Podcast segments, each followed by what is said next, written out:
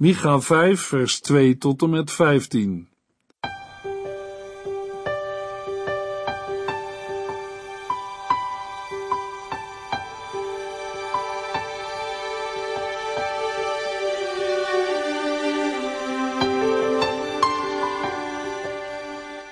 Hartelijk welkom bij De Bijbel Door.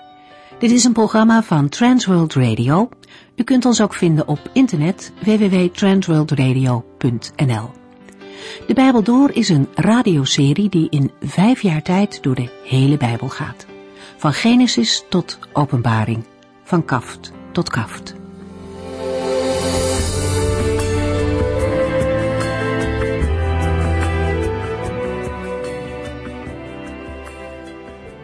De vorige keer hebben we maar een paar versen gelezen uit het vijfde hoofdstuk van Micha.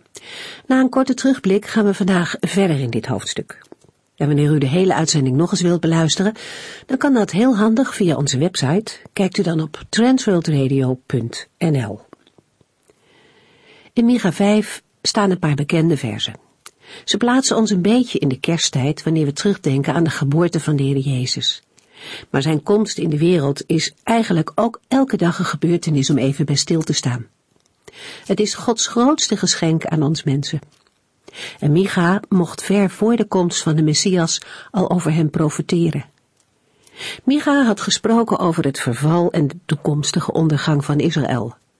De koning van Israël zou dat niet kunnen tegenhouden. Maar dan mag Micha ook aankondigen dat er eens een andere koning zal komen, die een echte redder van de mensen zal zijn. Micha profeteert dat de Messias in Bethlehem geboren zal worden. Een klein dorpje dat geen aanzien had. God begint opnieuw, niet in het machtige Jeruzalem, maar in het kleine, onbetekenende Bethlehem. God sluit niet aan op de prestaties van de mens, maar maakt een nieuw begin.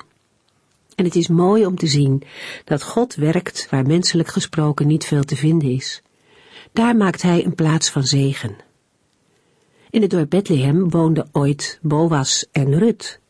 Hun achterkleinzoon David groeide erop, al kwam hij in Jeruzalem uiteindelijk op de troon. Bethlehem betekent broodhuis. In deze plaats werd de Heer, die het brood des levens is, geboren. De honger van een mens gaat uit naar rust en vrede, naar vergeving. En echte vreugde kan alleen gestild worden door dit brood dat uit de hemel is gekomen. We lezen verder in Micha 5.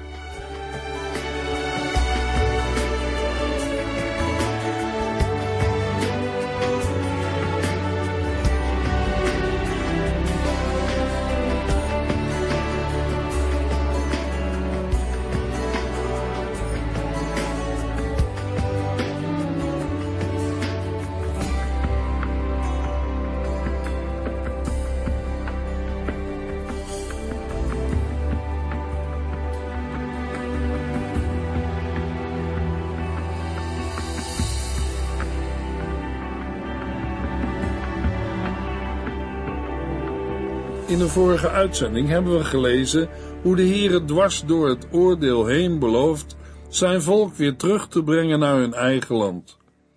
We in Micha 5 vers 1 en 2 Bethlehem in Ephrata, u bent een van de kleinste steden in Juda, maar toch zult u de geboorteplaats zijn van onze koning, van wie de oorsprong in lang vervlogen tijden ligt.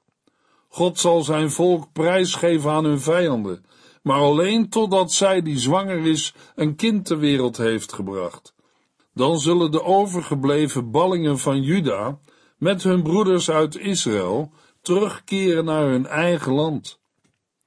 In oud-testamentische bewoordingen wordt in vers 2 onderstreept dat het keerpunt in de bestemming van Israël het moment is waarop de beloofde koning in Bethlehem wordt geboren.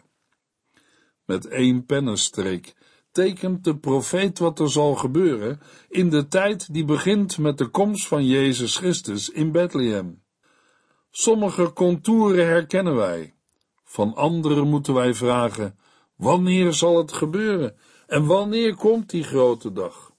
Van belang is vooral de verdere tekening van de beloofde koning. Immers, hij is het die zijn kudde, zijn volk, zal terugbrengen naar hun eigen land. Daarvoor zet hij zich in met al zijn krachten, en terwijl hij dat doet, mag de kudde weiden en rustig wonen, beeld van verzorging en veiligheid. Juist die zaken, waarover wij mensen ons vaak zo druk maken, worden bij deze koning en herder gevonden, namelijk rust en vrede. Daarbij is Psalm 23 een belangrijk lied.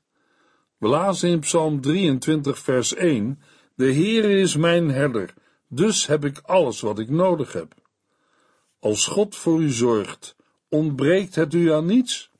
Als de Heer u veilig wonen doet, bent u eeuwig veilig. En Israël? Micha voorzegt namens de Heere, dan zullen de overgebleven ballingen van Juda met hun broeders uit Israël terugkeren naar hun eigen land. Micha 5 vers 3 Hij zal zijn kudde weiden in de kracht van de Heere, in de majesteit van de Heere zijn God. Zijn volk zal daar rustig wonen, want hij zal heersen over de hele wereld. Werd in vers 2 de geboorte van de Messias aangeduid. In vers 3 wordt de beloofde koning en Messias als volwassen voorgesteld. Zijn kindertijd en jeugd wordt overgeslagen. Daarbij moeten we niet vergeten dat voor Israël de Messias een persoon van de eindtijd was. Ook vers 3 verplaatst ons direct naar de eindtijd. Met de woorden, hij zal zijn kudde weiden in de kracht van de Heere, in de majesteit van de Heere zijn God, vinden we weer het beeld van de herder. De Messias wordt in de Bijbel meermalen als herder voorgesteld. In Psalm 23 is het aanwezig, maar ook in Psalm 80 vers 2, waar we lezen. Luister, herder van Israël, u leidt immers uw geliefde volk als een kudde schapen. U woont boven de engelen. Kom in al uw stralende heerlijkheid naar ons toe. Een andere bekende Bijbelplaats met het beeld van de herder is Ezekiel 34, vers 23 tot en met 31. Ik zal één herder aanstellen over mijn kudde, en dat is mijn dienaar David. Hij zal hun te eten geven en een herder voor hen zijn. En ik, de Heere, zal hun God zijn, en mijn dienaar David zal hun koning zijn. Ik, de Heere, heb gesproken.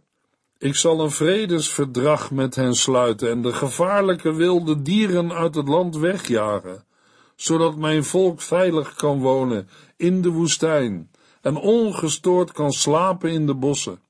Ik zal mijn volk en zijn woningen rond mijn heuvel zegenen. Er zullen stromen van zegen neerkomen, want ik zal de regens niet tegenhouden, maar ze in de normale jaargetijden laten vallen. Hun vruchtbomen en akkers zullen rijke oogsten opleveren, en iedereen zal in vrede en veiligheid kunnen leven. Als ik hun slavenketens heb gebroken en hen heb gered uit de macht van hun onderdrukkers, zullen zij weten dat ik de Heer ben. Andere volken zullen hen niet meer leegplunderen, en de wilde dieren zullen hen niet meer aanvallen. Zij zullen in veiligheid leven, en niemand zal hen nog angst aanjagen. Ik zal in Israël een plant laten opbloeien, waarover iedereen spreekt, zodat mijn volk nooit meer honger zal lijden, of de schande van vreemde overheersing zal hoeven te dragen. Op die manier zullen zij weten dat ik, de Heere hun God, hen nabij ben, en dat zij, de Israëlieten, mijn volk zijn, zegt de oppermachtige Heere. U bent mijn kudde, de schapen van mijn weide. U bent mijn volk en ik ben uw God, zegt de oppermachtige Heere. We lezen deze belofte ook in Ezekiel 37, vers 26 tot en met 28, waar de Heere zegt, ik zal een vredesverbond met hen sluiten, een eeuwig durend verdrag. Ik zal hen zegenen en vermenigvuldigen, en mijn tempel zal ik voor altijd in hun midden plaatsen. Ik zal te midden van hen gaan wonen, ja, ik zal hun God zijn, en zij zullen mijn volk zijn. Wanneer mijn heiligdom voor eeuwig in hun midden blijft, zullen de volken weten dat ik, de Heere, Israël heb afgezonderd om mijn volk te zijn. In Micha 5 vers 3 wordt de Heer Jezus afgebeeld als de herder die zijn kudde wijdt. Hij is de herder voor zijn gemeente, de kerk. Hij is ook de herder voor het volk Israël. Degene die in Bethlehem werd geboren, degene die werd verworpen.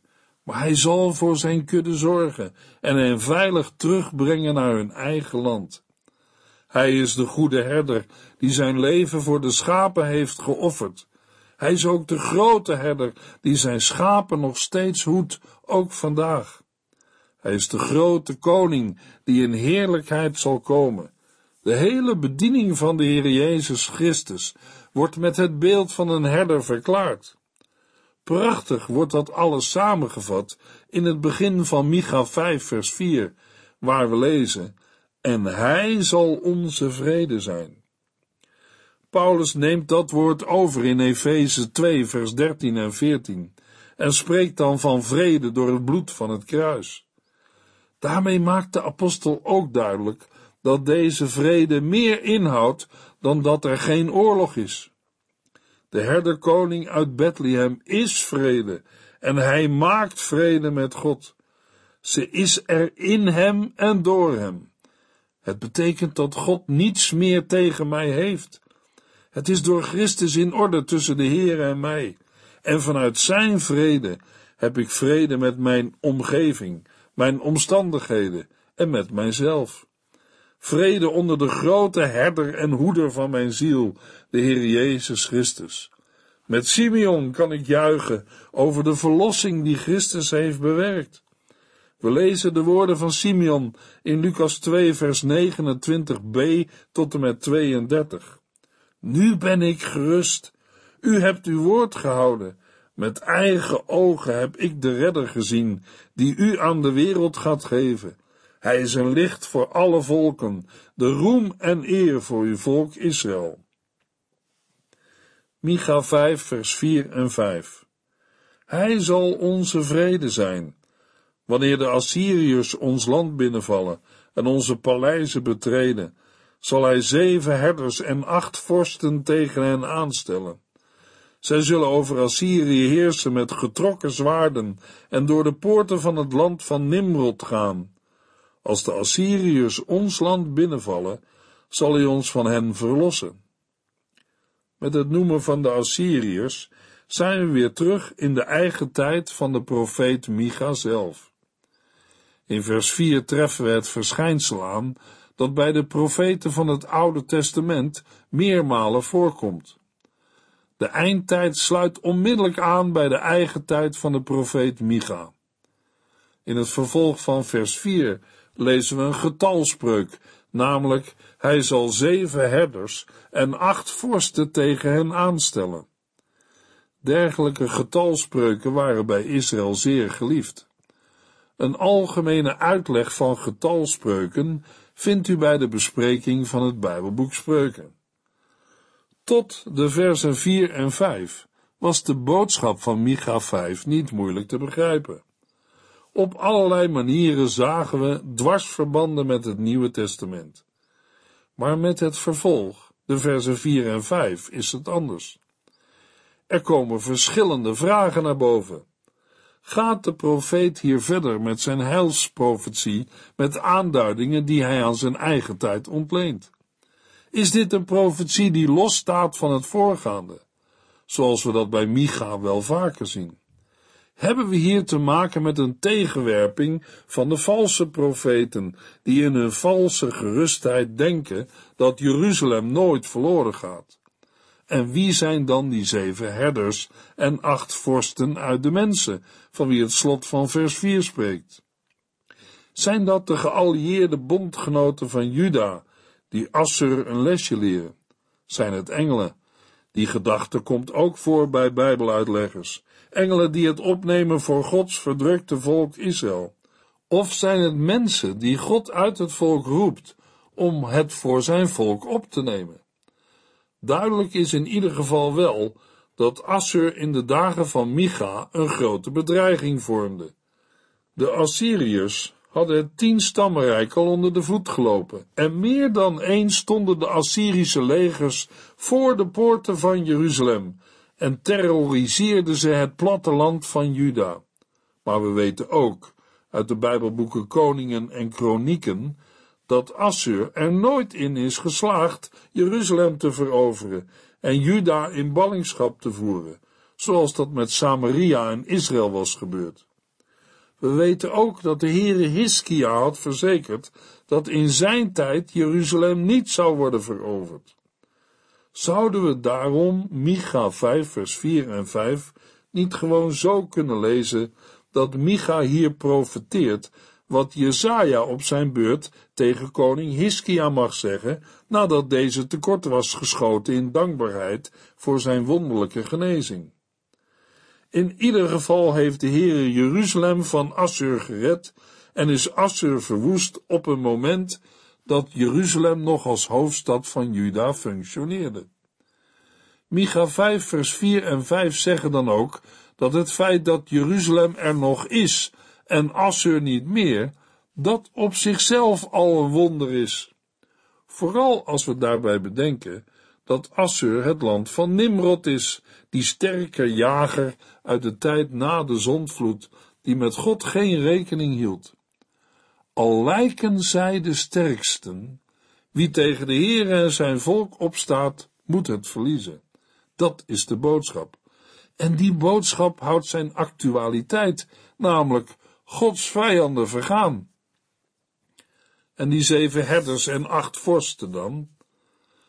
Het spreken over zeven en acht is een getalspreuk, een manier van spreken die we ook in de dichtelijke Bijbelboeken tegenkomen. Er wordt geen exact aantal mee aangeduid. De Heere verwekt mensen, herders die waken over de kudde, vorsten die hun volk beschermen. Het doet er niet zoveel toe wie het zijn of hoeveel het er zijn, maar de Heere geeft hen aan zijn volk ter bescherming, en daarom is dat volk en die stad veilig. Omdat hij het doet en ook bepaalt hoe lang hij het doet. Deze laatste woorden, hoe lang hij het doet, kunnen vreemd overkomen. Maar het moet er wel bij. We lezen in Psalm 127.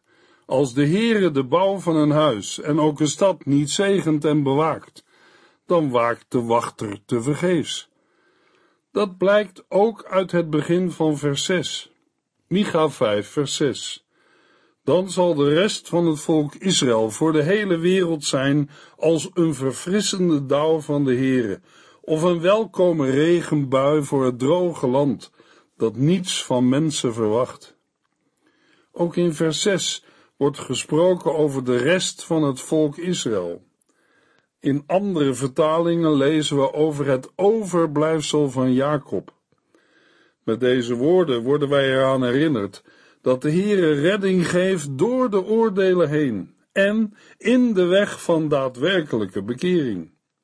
Het overblijfsel is immers de rest, die we ook bij de profeet Jezaja, een tijdgenoot van Micha, tegenkomen.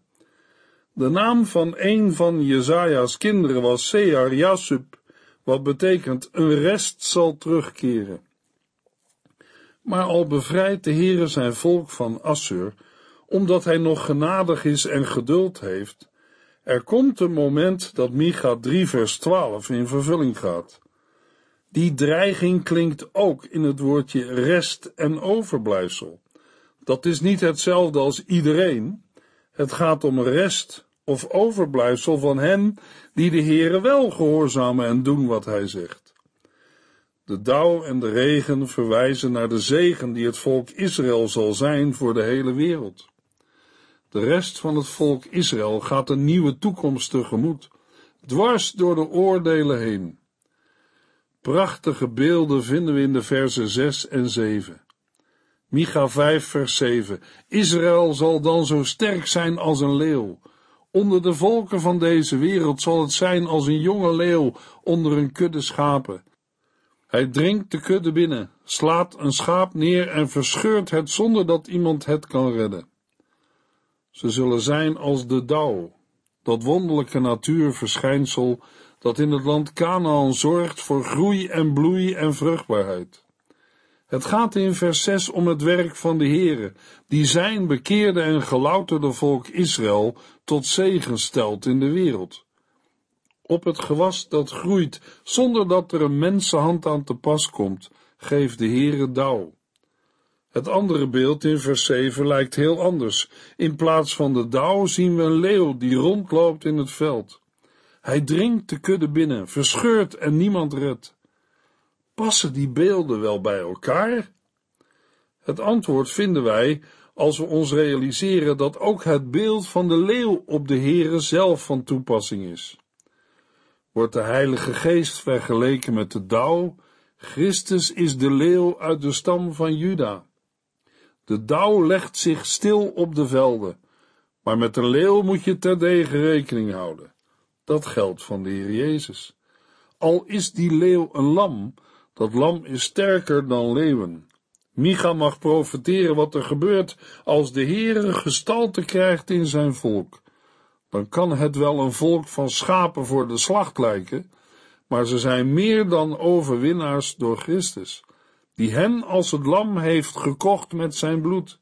Hij heeft hen een machtig wapen gegeven, zijn woord, dat als een zwaard is en als een pijl en als een hamer.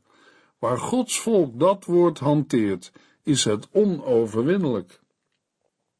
Micha 5 vers 8 Israël zal zich verheffen boven zijn tegenstanders. Al zijn vijanden zullen worden uitgeroeid. Vers 8 laat zien hoe het de vijanden van de Heere zal vergaan. Zij zien de verliezers en worden uitgeroeid. Er is voor een mens reden genoeg om tot God te bidden en voor hem te capituleren. Nu is het nog genadetijd en biedt de Heer al zijn vijanden aan om vrienden met hem te worden, door de Heer Jezus Christus. Het wordt in de profetie van Micha steeds duidelijker dat God zijn redding alleen geeft in de weg van daadwerkelijke bekering.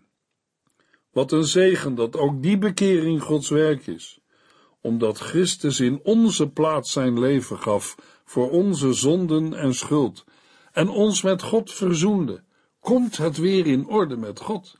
Want een ieder die in hem gelooft gaat niet verloren, maar heeft eeuwig leven. Micha 5, vers 9 tot en met 14. In die tijd, zegt de Heere, zal ik al uw wapentuig vernietigen. Ik zal uw steden verwoesten en uw vestingen afbreken. Ik zal ook alle toverij uit uw land verwijderen, en er zal geen enkele waarzegger meer overblijven. Al uw zelfgemaakte afgodsbeelden en gewijde stenen zullen verdwijnen, zodat u nooit meer kunt aanbidden wat u zelf hebt gemaakt. Ik zal uw gewijde palen uit de grond rukken en de steden met de grond gelijk maken. En in mijn toorn zal ik wraak nemen op de volken die niet naar mij hebben geluisterd. In de laatste versen van Micha 5 wordt nog eens onderstreept dat de redding en verlossing van ieder mens van het begin tot het eind Gods werk is. Mogelijk dat iemand zich bij het luisteren naar deze programma's daaraan heeft gestoord. Toch is het de werkelijkheid die het woord van God ons mensen laat zien en door de apostelen en profeten met klem is verkondigd. Zij kwamen niet met hun eigen woorden, in Titus 3, vers 3 tot en met 7 schrijft Paulus aan een van zijn eerste medewerkers: Vroeger hadden wij ook geen inzicht. Wij waren ongehoorzaam, misleide slaven van onze zondige verlangens en lusten. Ons leven was vol wrok en jaloezie. Wij haten anderen en wij haten elkaar. Maar toen de tijd aanbrak dat God ons door de komst van zijn zoon zijn liefde en vriendelijkheid zou tonen, heeft hij ons gered. Niet omdat wij het hadden verdiend, maar omdat hij met ontferming over ons bewogen was en medelijden met ons had. Hij heeft onze zonden afgewassen, ons nieuw leven gegeven en ons vernield door de Heilige Geest, die hij rijkelijk over ons heeft uitgegoten. En dat allemaal om wat Jezus Christus, onze redder, heeft gedaan. Dankzij zijn genade zijn wij voor God rechtvaardig verklaard en erfgenamen geworden van het eeuwige leven, waar wij nu op hopen. Uit de slotverzen van Micha 5 blijkt dat de Heere alles afbreekt waarop een mens zijn vertrouwen zou kunnen stellen. Paarden en wagens, steden en vestingen. De Heere zegt, ik zal al uw wapentuig vernietigen. Ik zal uw steden verwoesten en uw vestingen afbreken. En daarnaast roeit de Heere alles uit waarmee het volk zondigde tegen het eerste en tweede gebod van Gods wet. Alle afgodsbeelden, alle eigenwillige godsdienst, alle occulte zaken. De Heere zegt, ik zal ook alle toverij uit uw land verwijderen, en er zal geen enkele waarzegger meer overblijven. Al uw zelfgemaakte afgodsbeelden en gewijde stenen zullen verdwijnen, zodat u nooit meer kunt aanbidden wat u zelf hebt gemaakt. Ik zal uw gewijde palen uit de grond rukken en de steden met de grond gelijk maken. De Heere breekt af en ruimt op alles wat tussen hem en het volk instaat. En waarom? Opdat er plaats komt voor hem. En zij ontzag en respect voor God zullen hebben en hem alleen zullen dienen. Is dat geen wonder? Alles waarop mensen vertrouwden, alles waaraan zij hun hart gaven, alles wat hen verontreinigde, de Heere breekt het af en ruimt het op. Want voordat de Heere de zonde ongestraft liet, heeft hij onze zonden op zijn zoon gelegd. Dat is een voor ons mensen onbegrijpelijke liefde en zeker voor een zondig mens die heeft ontdekt dat hij zichzelf niet kan verlossen van afgoden, verslavende machten en duistere krachten. De Heere zegt het bij monden van de profeet Micha, ik zal het verwijderen. Luisteraar, is er in de woorden van Micha geen belofte waarop u zou willen pleiten? Bid tot God, Heere, reinig mijn hart, breek de macht van de zonde, verlos mij van dat vertrouwen op anderen, opdat ik u alleen overhoud. Micha 5 eindigt met: Er zijn ook mensen die niet naar de Heere hebben geluisterd. Maar daar hoort u of jij toch niet bij? Of wel? In de volgende uitzending lezen we Micha 6 vers 1 tot en met 5.